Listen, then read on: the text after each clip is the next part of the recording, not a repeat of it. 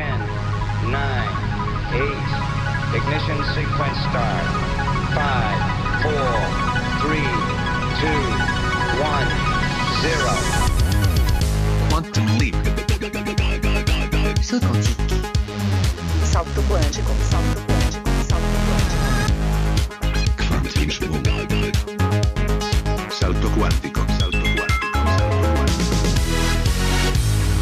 Kvantum, det du inte visste att du ville veta. Nämen ser man på, trevligt att ni kunde komma, slå er ner. Kaffe kan jag inte bjuda på för jag dricker aldrig kaffe själv så jag har inte ens en kaffekokare. Men en fantastisk utsikt över universum och dess underverk kan jag erbjuda er i dagens program.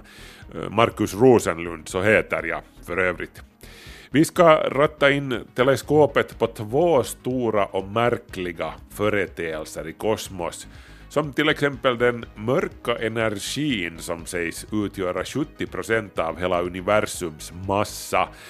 Hur var det nu som den elaka kejsar Palpatine sa det i Stjärnornas krig? Become my apprentice.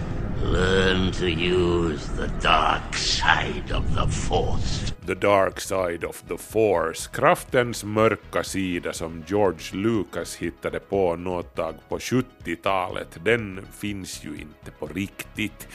Men nu påstår ett forskarteam som har kört avancerade datorsimulationer av universums utveckling att inte den mörka energin heller finns på riktigt. Och det här är ju lite intressant. 70% av universum borta, bara sådär. Vad är nu det här då? Det ska vi gå närmare in på senare i programmet. Så ska jag berätta om ett spännande nytt försök att fotografera monstret i hjärtat av vår galax, Vintergatan, det supermassiva svarta hålet Sagittarius A som ligger och trycker där. Det ska alltså fångas på film och det här projektet pågår nu i dagarna. Och så ska vi hålla oss här på jorden en stund också och höra om en ny lovande metod att skapa dricksvatten av havsvatten genom att filtrera bort saltet med hjälp av ett nytt revolutionerande filtermembran. Thomas Silén har talat med en av forskarna bakom det här. Raoul Naer heter han. Rahul och forskarlaget har skapat ett membran för vattenfiltrering som består av materialet grafen. Det här materialet har, till skillnad från andra membran, en unik förmåga att släppa igenom vatten mycket snabbt, vilket gör det betydligt mer energisnålt än andra alternativ. Och potentiellt billigare.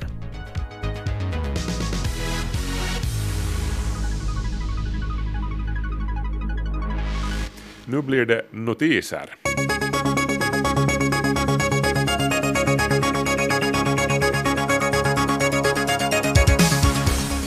Här kommer världens första stridsplan som kan flygas med rent biobränsle. Tror ni att det är ryskt eller svenskt? Nå, det är ju svenskt såklart.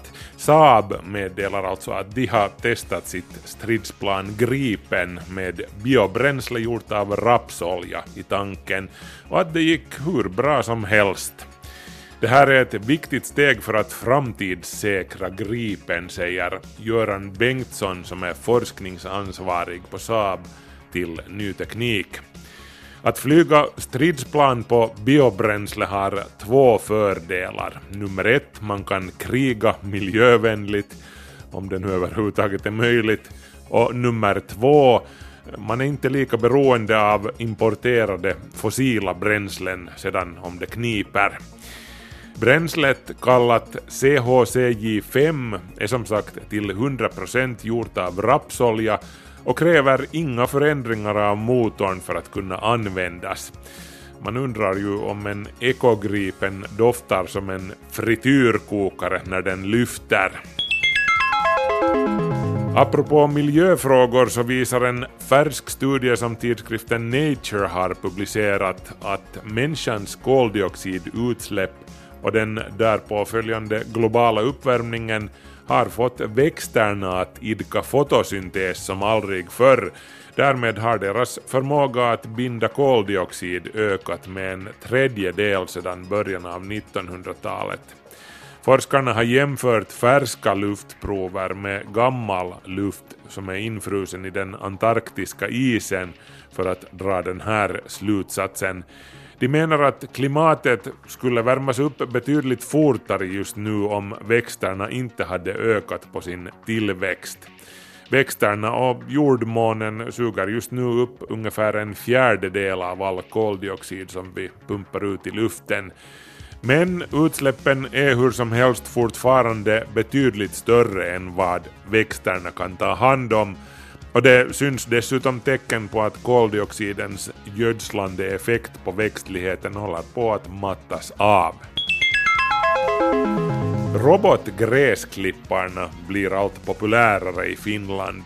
Försäljningen ökade i fjol med 40 procent sedan året innan och Tekniska handelsförbundet uppskattar att kurvorna fortsätter att peka uppåt. Robotgräsklippare lämpar sig främst för gårdar som går att avgränsa med en kabel så att klipparen vet vilket område den ska hålla sig till.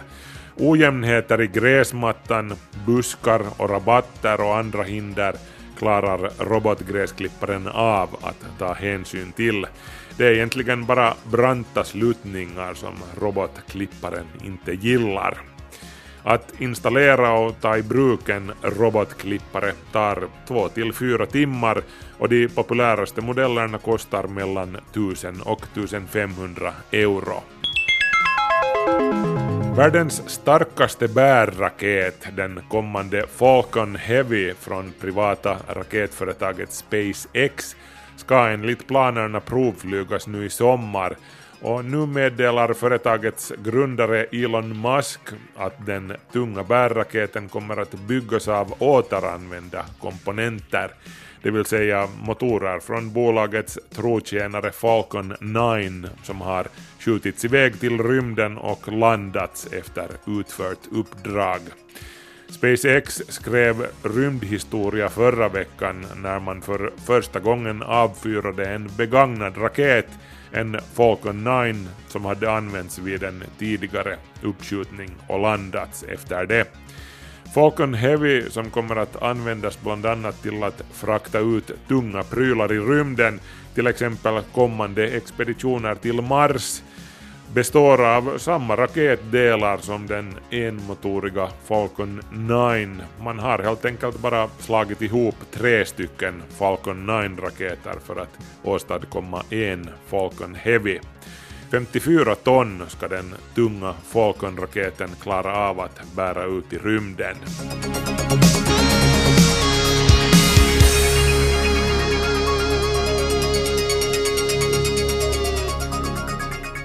Om allt går enligt planerna så kan du hitta fiskleverolja i din hudkräm inom en snar framtid. Ett nytt projekt ska ge bättre tillväxt inom fiskebranschen men samtidigt ska det öka på hållbarheten inom industrin. Nu är det inte bara fiskköttet utan hela fisken som ska användas. Det här vårt program handlar om högravärtsprodukter av, av fisk. Och det betyder att, att vi strävar till till exempel proteintillskott i, i livsmedel eller, eller oljor eller någonting som, som kan användas i livsmedel eller i kosmetika till och med, i medicinska bruk och så vidare. Det säger Gui Svanbäck som är verksamhetsledare för föreningen Aktion Österbotten som är med i innovationsprogrammet tillsammans med nästan 40 andra aktörer. En av målsättningarna är att kunna separera oljor och proteiner ur fisken. De här ska sedan användas som ingredienser i livsmedel, kosttillskott, kosmetika och i mat för husdjur. I dagens läge kastas det mesta av fisken bort efter att den har fileats, vilket är både oekologiskt och oekonomiskt. Nu ska man sträva efter att 100 procent av fisken kommer till användning och att tillväxten samtidigt ökar. Det blir bara en sån här kvalificerad gissning men nu pratar vi om, om säkert belopp som, som alltså miljonbelopp i, inom ska vi säga, några års period och, och på lång sikt så, så pratar vi kanske om hundratals miljoner. Yle Vega. Det var Frida Holmberg som var reporter i det inslaget. Kvanthopp, det du inte visste att du ville veta.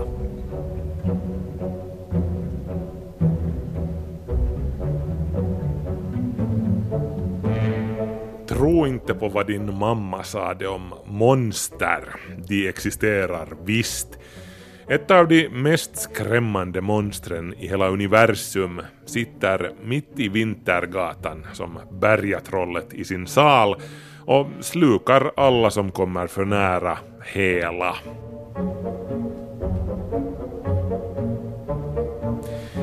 Lyckligtvis så bor vi på ett betryggande avstånd från monstret som den här sanna sagan handlar om, det supermassiva svarta hålet i Vintergatans centrum.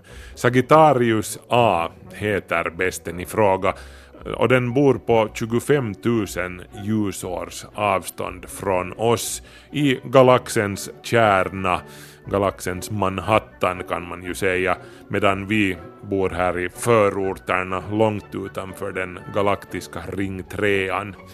Och snacka om en jätte alltså. Sagittarius A har en diameter som är 30 gånger vår sols diameter och dess massa motsvarar hisnande 4 miljoner solar. Och nu för första gången ska odjuret fångas på bild.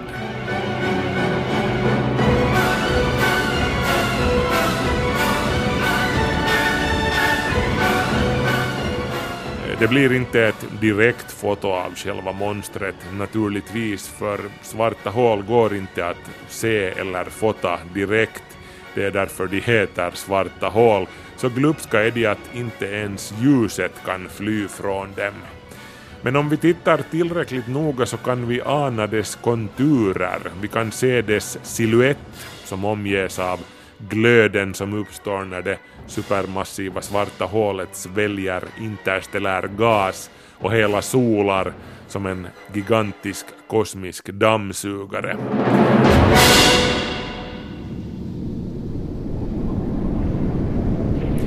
Man kan också beskriva ett svart hål som en zombiekärna, en död jättekärna som blev för stor för sitt eget bästa, som sedan dog och exploderade och kollapsade in i sig själv. Och nu är den en levande, död, svart kannibalsol som äter lysande, levande kärnor till frukost. Skräckfilmsväxeln blev visst på där, ledsen för det. Eh, som om det inte vore tillräckligt med kosmisk horror över det hela så lurar just den här bjässen, Sagittarius A, dessutom bakom mystiska slöjor av kosmiska stoftmoln som skymmer sikten in mot Vintergatans mitt. Så optiska teleskop är till ingen nytta, vi kan inte möta monstret öga mot öga. Skonsamt nog kanske.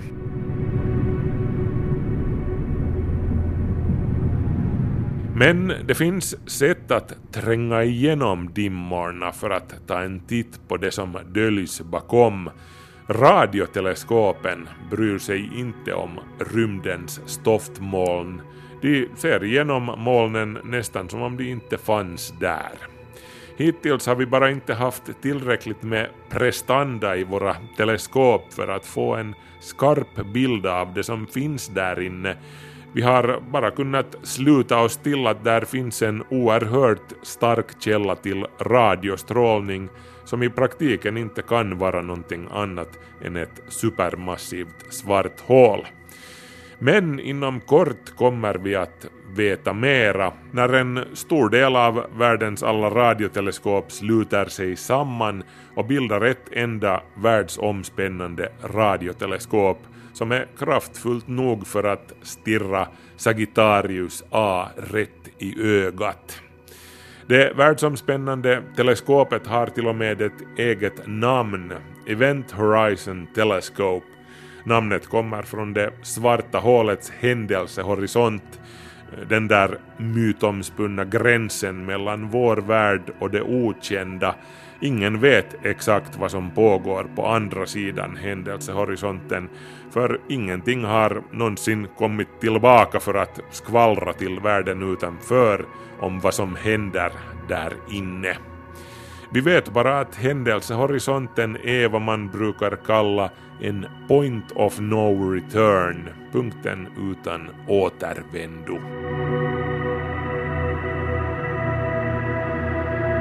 Man kan säga att händelsehorisonten är gränsen där fysikens lagar upphör att gälla.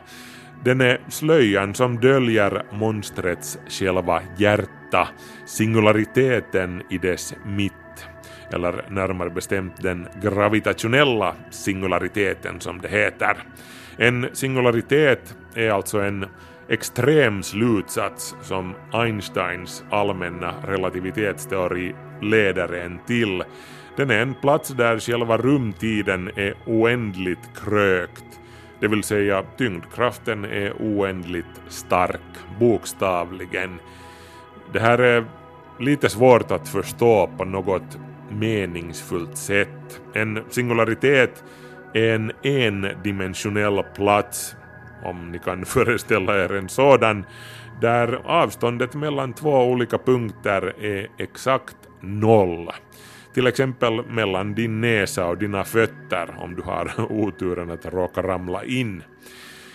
Men för dina kompisar som står utanför och tittar på från ett tryggt avstånd och ser dig ramla in i det svarta hålet så kommer det att se ut som om du aldrig når längre än händelsehorisonten.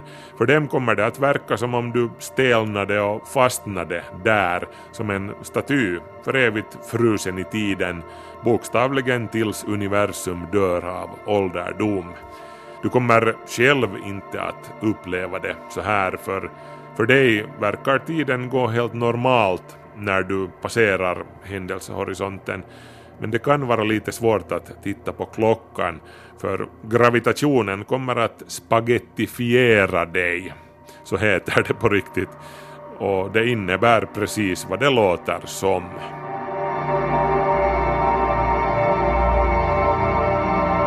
Vad som än händer inuti det svarta hålet, det är hur som helst ingenting som den nu aktuella studien kommer att befatta sig med Händelsehorisontteleskopet kommer som sagt inom citat bara att observera det svarta hålets siluett, men för första gången någonsin som sagt.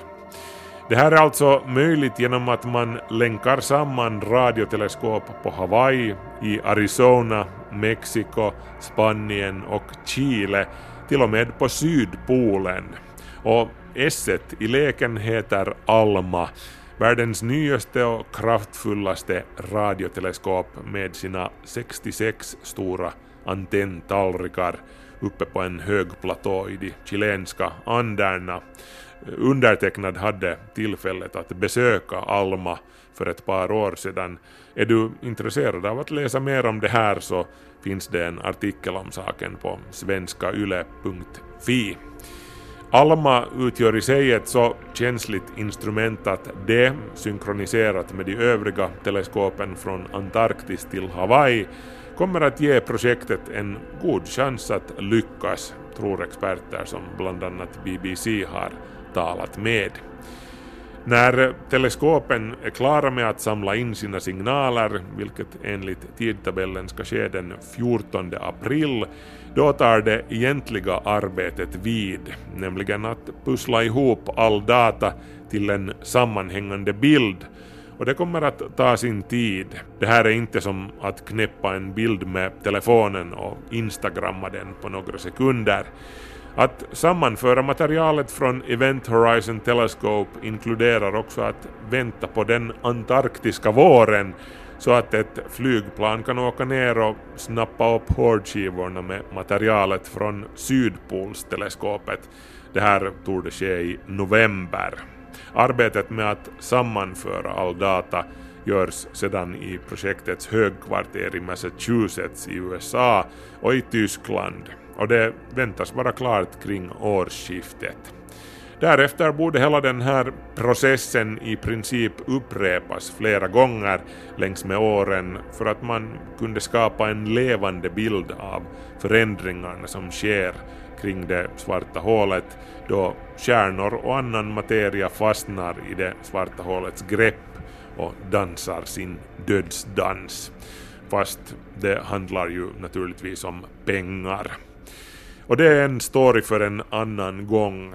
om Event Horizon Telescope levererar önskat resultat så kommer vi hur som helst att för första gången någonsin kunna stirra monstret i mitten av Vintergatan rätt i ögat.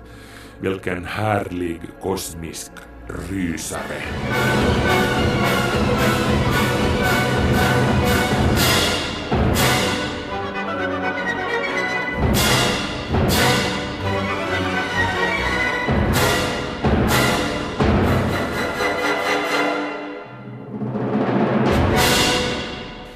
Vissa vetenskapliga upptäckter luktar science fiction på långt håll och frammanar visioner av intergalaktiska färder, super high-tech apparater i vardagen och genetiska och biotekniska modifikationer som förändrar oss som människor. Andra framsteg låter lite mera mondäna när vi först hör om dem, kanske till och med lite tråkiga, men de kan visa sig vara mycket viktiga. Ett exempel är ett filter byggt av nanomaterial för att rensa vatten.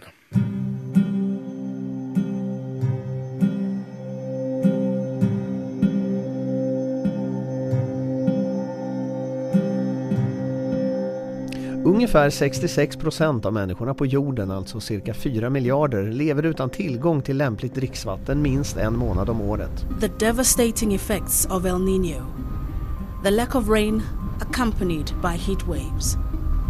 This is the worst drought to hit South Africa since 1982. A canister like this has to last for three days. It's unclear how many family members. The devastating drought and the threat from Al Shabaab fighters causing many to suffer. The lack of precipitation during four rainy seasons has left its mark on Somalia.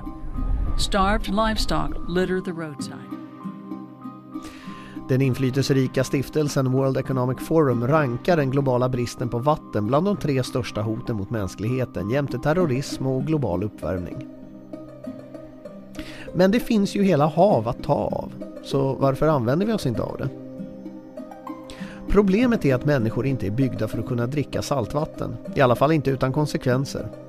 Vår kropp kan bearbeta en liten mängd salt men havsvatten innehåller så pass mycket att kroppens regleringsfunktioner sätts ur spel. Våra celler pressar vätska ur sig för att balansera upp nivåerna i kroppen som i sin tur krymper cellerna. Och eftersom kroppen kämpar med att rensa bort överloppssaltet så producerar njurarna urin och det krävs mycket av det. Slutresultatet blir att kroppen pressar ur sig mer vätska än den tar in och du börjar torka ut. Och det i sin tur leder till en massa andra fysiska problem. Men om man kunde rensa havsvattnet då, så att det blev mindre salt?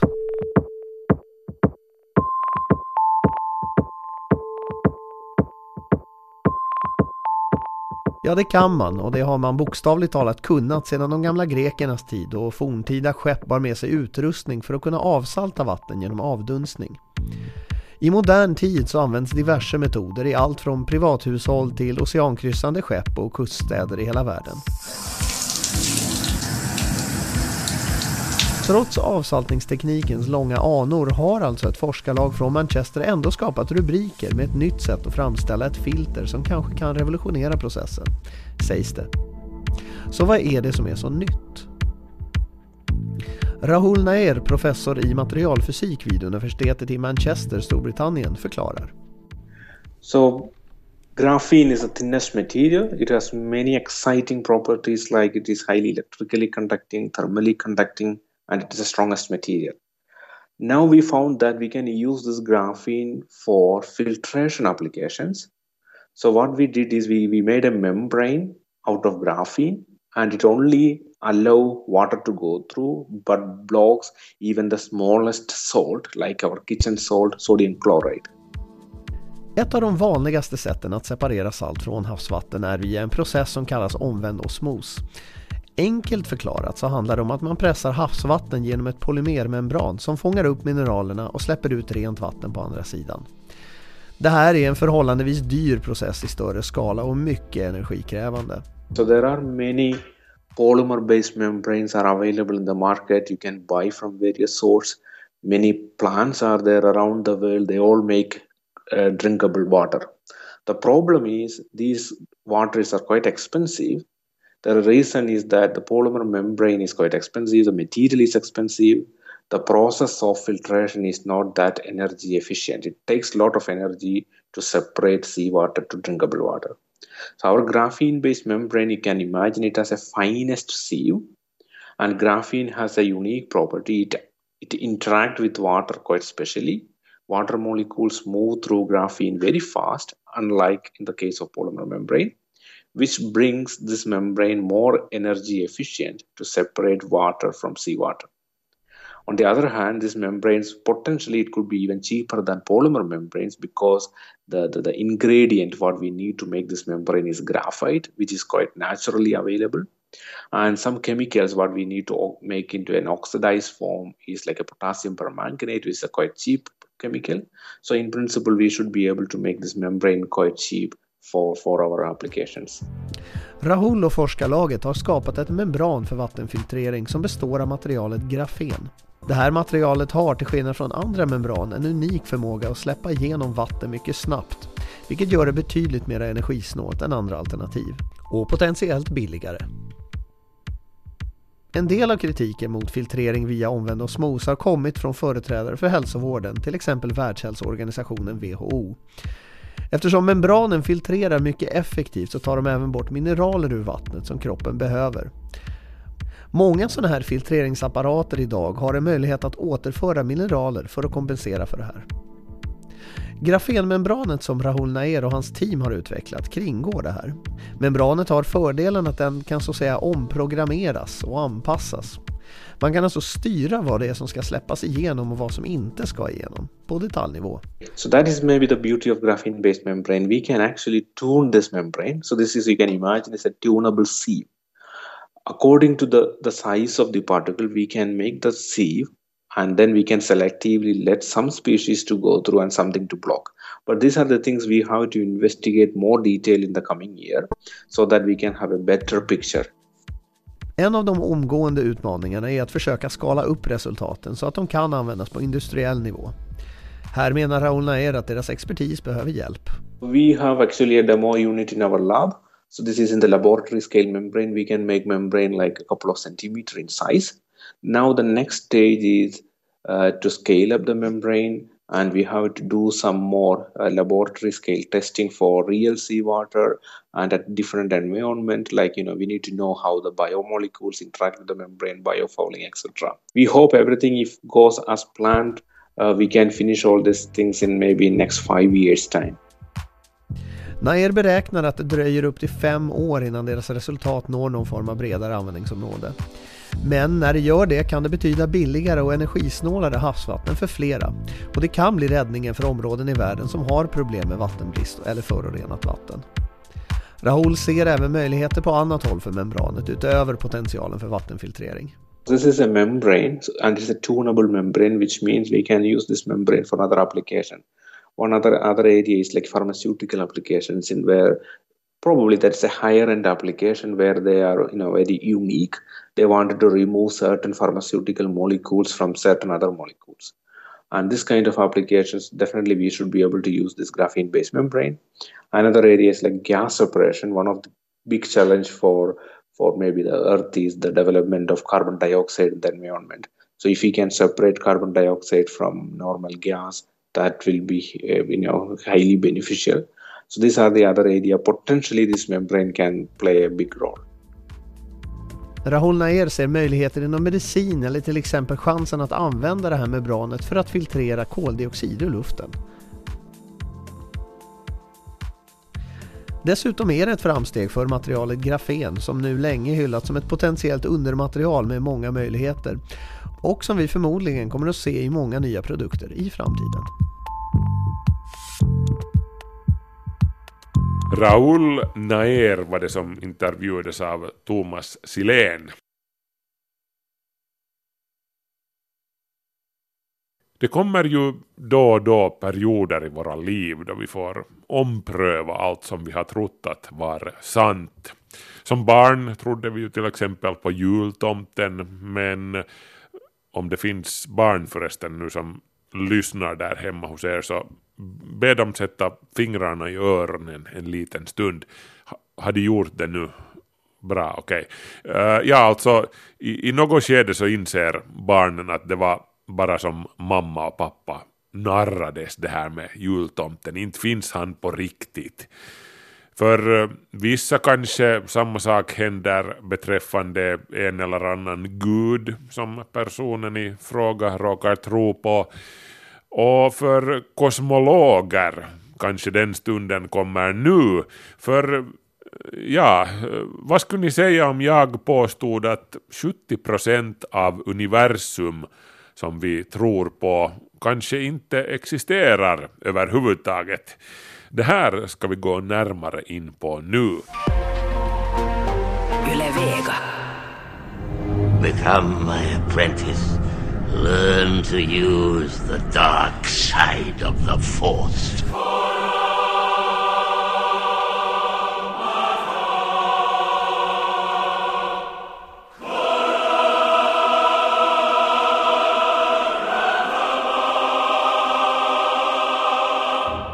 George Lucas en profet. Stjärnornas krigs skapare talade om the dark side of the force mer än 20 år innan fysikerna hakade på och förkunnade att mer än två tredjedelar av universum de facto består av kraftens mörka sida, eller som de kallade det, mörk energi.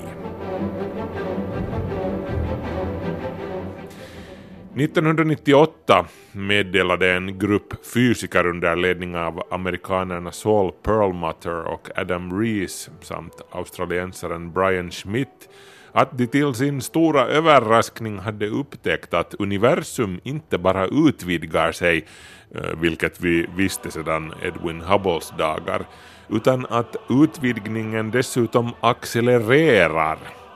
Upptäckartrion belönades med Nobelpriset i fysik 2011. Med andra ord, själva rymden expanderar som en ballong som en okänd kraft blåser upp. Galaxer flyger isär från varandra med en allt större hastighet. Inte bara det, själva den tomma rymden utvidgas. Det här innefattar också jorden och alla på den alla vi som har varit gifta ett tag och upplever att gapet i soffan mellan oss själva och partnern blir större. Eh, det är inte bara som vi inbillar oss. Gapet vidgas helt på riktigt. Men vad är det som får allting i universum att avlägsna sig från allt annat? Albert Einstein var den första som förstod att den tomma rymden inte alls är tom. Någonting måste finnas där, menade Einstein. Ett osynligt energifält som strätar emot och hindrar kosmos från att trilla in i sig självt. Någonting som håller universum stabilt.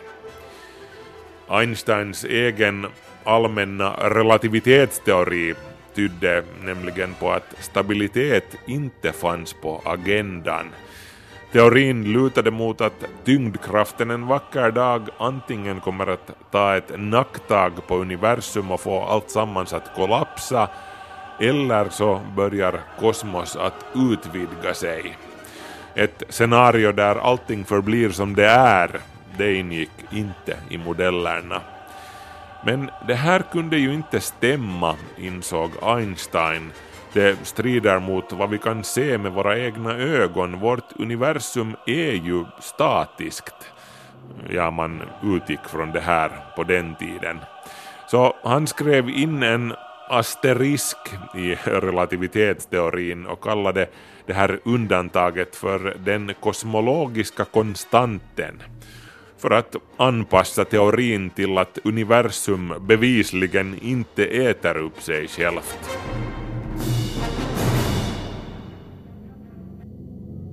Men sedan upptäckte alltså Edwin Hubble i slutet av 1920-talet att universum inte alls är statiskt utan att det utvidgar sig och Einstein han insåg då att han hade fel, eller snarare att han borde ha haft ett större förtroende för sin egen relativitetsteori och han kallade följaktligen den kosmologiska konstanten för sin största tabbe. Nå, sedan gick det ju trots allt som så att Einstein inte var helt och hållet ute och cyklade med sin största tabbe. Det här som fysikerna numera kallar mörk energi är ju på sätt och vis just det som Einstein avsåg med den kosmologiska konstanten.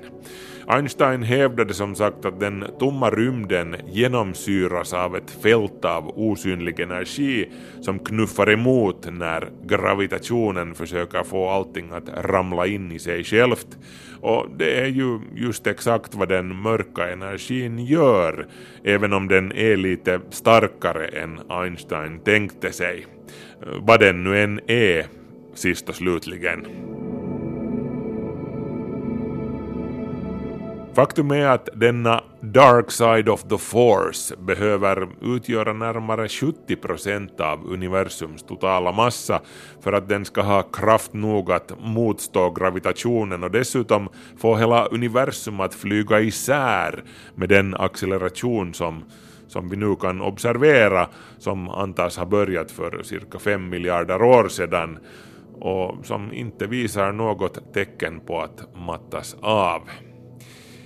Resten av universum som den förhärskande modellen i Big Bang-kosmologin, den så kallade lambda-CDM-modellen, beskriver det, består sedan av följande. Cirka 26 procent mörk materia, som ingen heller riktigt vet vad det är, och knappa 5 procent av kakan utgörs av baryonisk eller vanlig materia, alltså det här som stjärnorna, planeterna, du och stolen som du sitter på består av.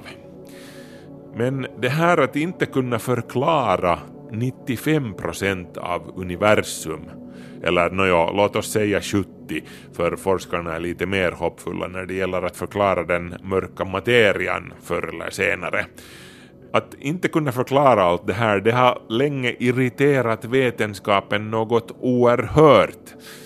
För ett antal år sedan intervjuade jag Kari Enqvist som är professor i teoretisk fysik vid Helsingfors universitet. Och jag bad honom att förklara mörk energi så att mannen på gatan förstår det. Och han låg bara lite snett och konstaterade, ja, han sa alltså så här. Eh, sitä ei voi kadunmiehelle eikä oikein fyysikollekaan selittää sen vuoksi, että tämä pimeä energia on, on eräänlainen mysteeri. Se on suurin, suurin ongelma äh, kosmologiassa tällä hetkellä. Me emme yksinkertaisesti tiedä, äh, mitä se on. Emme ole edes täysin varmoja siitä, että se on olemassa. Det går inte att förklara mörk energi åt mannen på gatan eftersom det inte ens går att förklara för en fysiker, sa alltså Kari Enqvist här. Vi vet inte vad det är helt enkelt. Den mörka energin är ett totalt mysterium. Vi vet faktiskt inte med säkerhet ens att den existerar. Kanske det inte är så konstigt då att forskare världen över ivrigt hoppar på varenda chans de får att skriva ut den pinsamma mörka energin ur ekvationerna. Låt Einsteins tabbe vara en tabbe på riktigt, liksom. Som nu det här senaste försöket som, om det visar sig hålla streck, skulle eliminera behovet av mörk energi och i processen sopa bort 70 av universum. Ett ungerskt amerikanskt forskarteam har alltså på sistone kört avancerade datorsimulationer av universums utvidgning som tyder på att man kan förklara världsalltets expansion utan att behöva involvera hypotetisk mörk energi. Dr. Laszlo Dobos en av författarna till forskningsrapporten säger i ett pressmeddelande att våra nuvarande modeller av universums expansion bygger på föråldrade och otillräckliga beräkningar av Einsteins ekvationer som kan bli oerhört komplicerade när man använder dem till att beskriva universums utveckling. Forskare har under alla dessa år arbetat utgående från en förenklad modell, menar Dobos, där smärre genvägar längs med beräkningarna i slutänden resulterar i stora avvikelser som sedan måste bortförklaras på något sätt, som att kalla det för mörk energi, enligt Dobos och hans kollegor. Den här senaste simulationen däremot, som resulterade i en modell som forskarna kallar Avera, tyder på att universum har en mycket mer dynamisk och heterogen struktur än de gamla beräkningarna utgår från. En som till exempel inte förutsätter att hela universum utvidgas i samma takt. Det finns lokala skillnader. Nyckeln till förståelsen av universums utvidgning enligt Avera-modellen ligger i universums själva struktur hur galaxgrupperna är sammanflätade i ett väldigt skumliknande nätverk när man tittar på dem på tillräckligt stor skala. De här sammanflätade bubblorna av galaxgrupper innehåller enorma områden av relativt tom rymd och datorsimulationerna visar hur en sån här uppbyggnad skulle leda till att olika delar av bygget utvidgas fortare än andra, lite som mini-universa inuti universum. Också Avera-modellen stämmer överens med observationerna som tyder på en utvidgning, i genomsnitt alltså, som accelererar. Men framförallt så tycks den alltså förklara utvidgningen som en naturlig följd av galaxgruppernas skumliknande sammansättning, något som enligt Laszlo Dobos tidigare har sopats under den matematiska mattan. Och summan av den här kardemumman blir enligt Dobos och hans team en modell som fortfarande utgår från Einsteins allmänna relativitetsteori för att förklara universums utveckling. De är alltså inte oliktänkare eller någonting, men den här modellen kräver inte någon påhittad mörk energi som orsak till accelerationen. Nåjo, hur som helst så är det sista ordet långt ifrån sagt i den här diskussionen. Räkna inte ut den mörka energin riktigt ännu. Men det vore ju inte så illa om Dobosch med kollegor skulle visa sig ha rätt. Fysikerna kunde använda sin tid till vettigare saker istället för att jaga den mörka energins spöke. Och så skulle ju forskarna slippa att se så besvärade ut varje gång som vi journalister ställer frågor om de där pinsamma två tredjedelarna av universum som de inte har någon som helst koll på.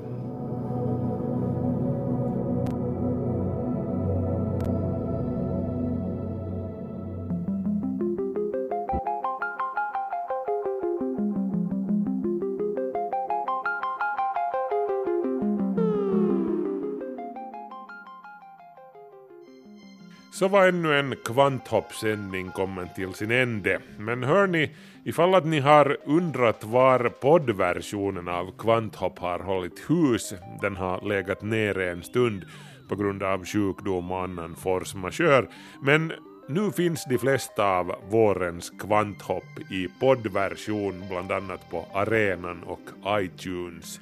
För dem som vill höra programmet utan musik, när ni vill och var ni vill. Jag är själv en inbiten poddlyssnare numera. Till mina favoriter hör BBC's The Infinite Monkey Cage med professor Brian Cox och komikern Robin Ince. Lysande stuff rekommenderas.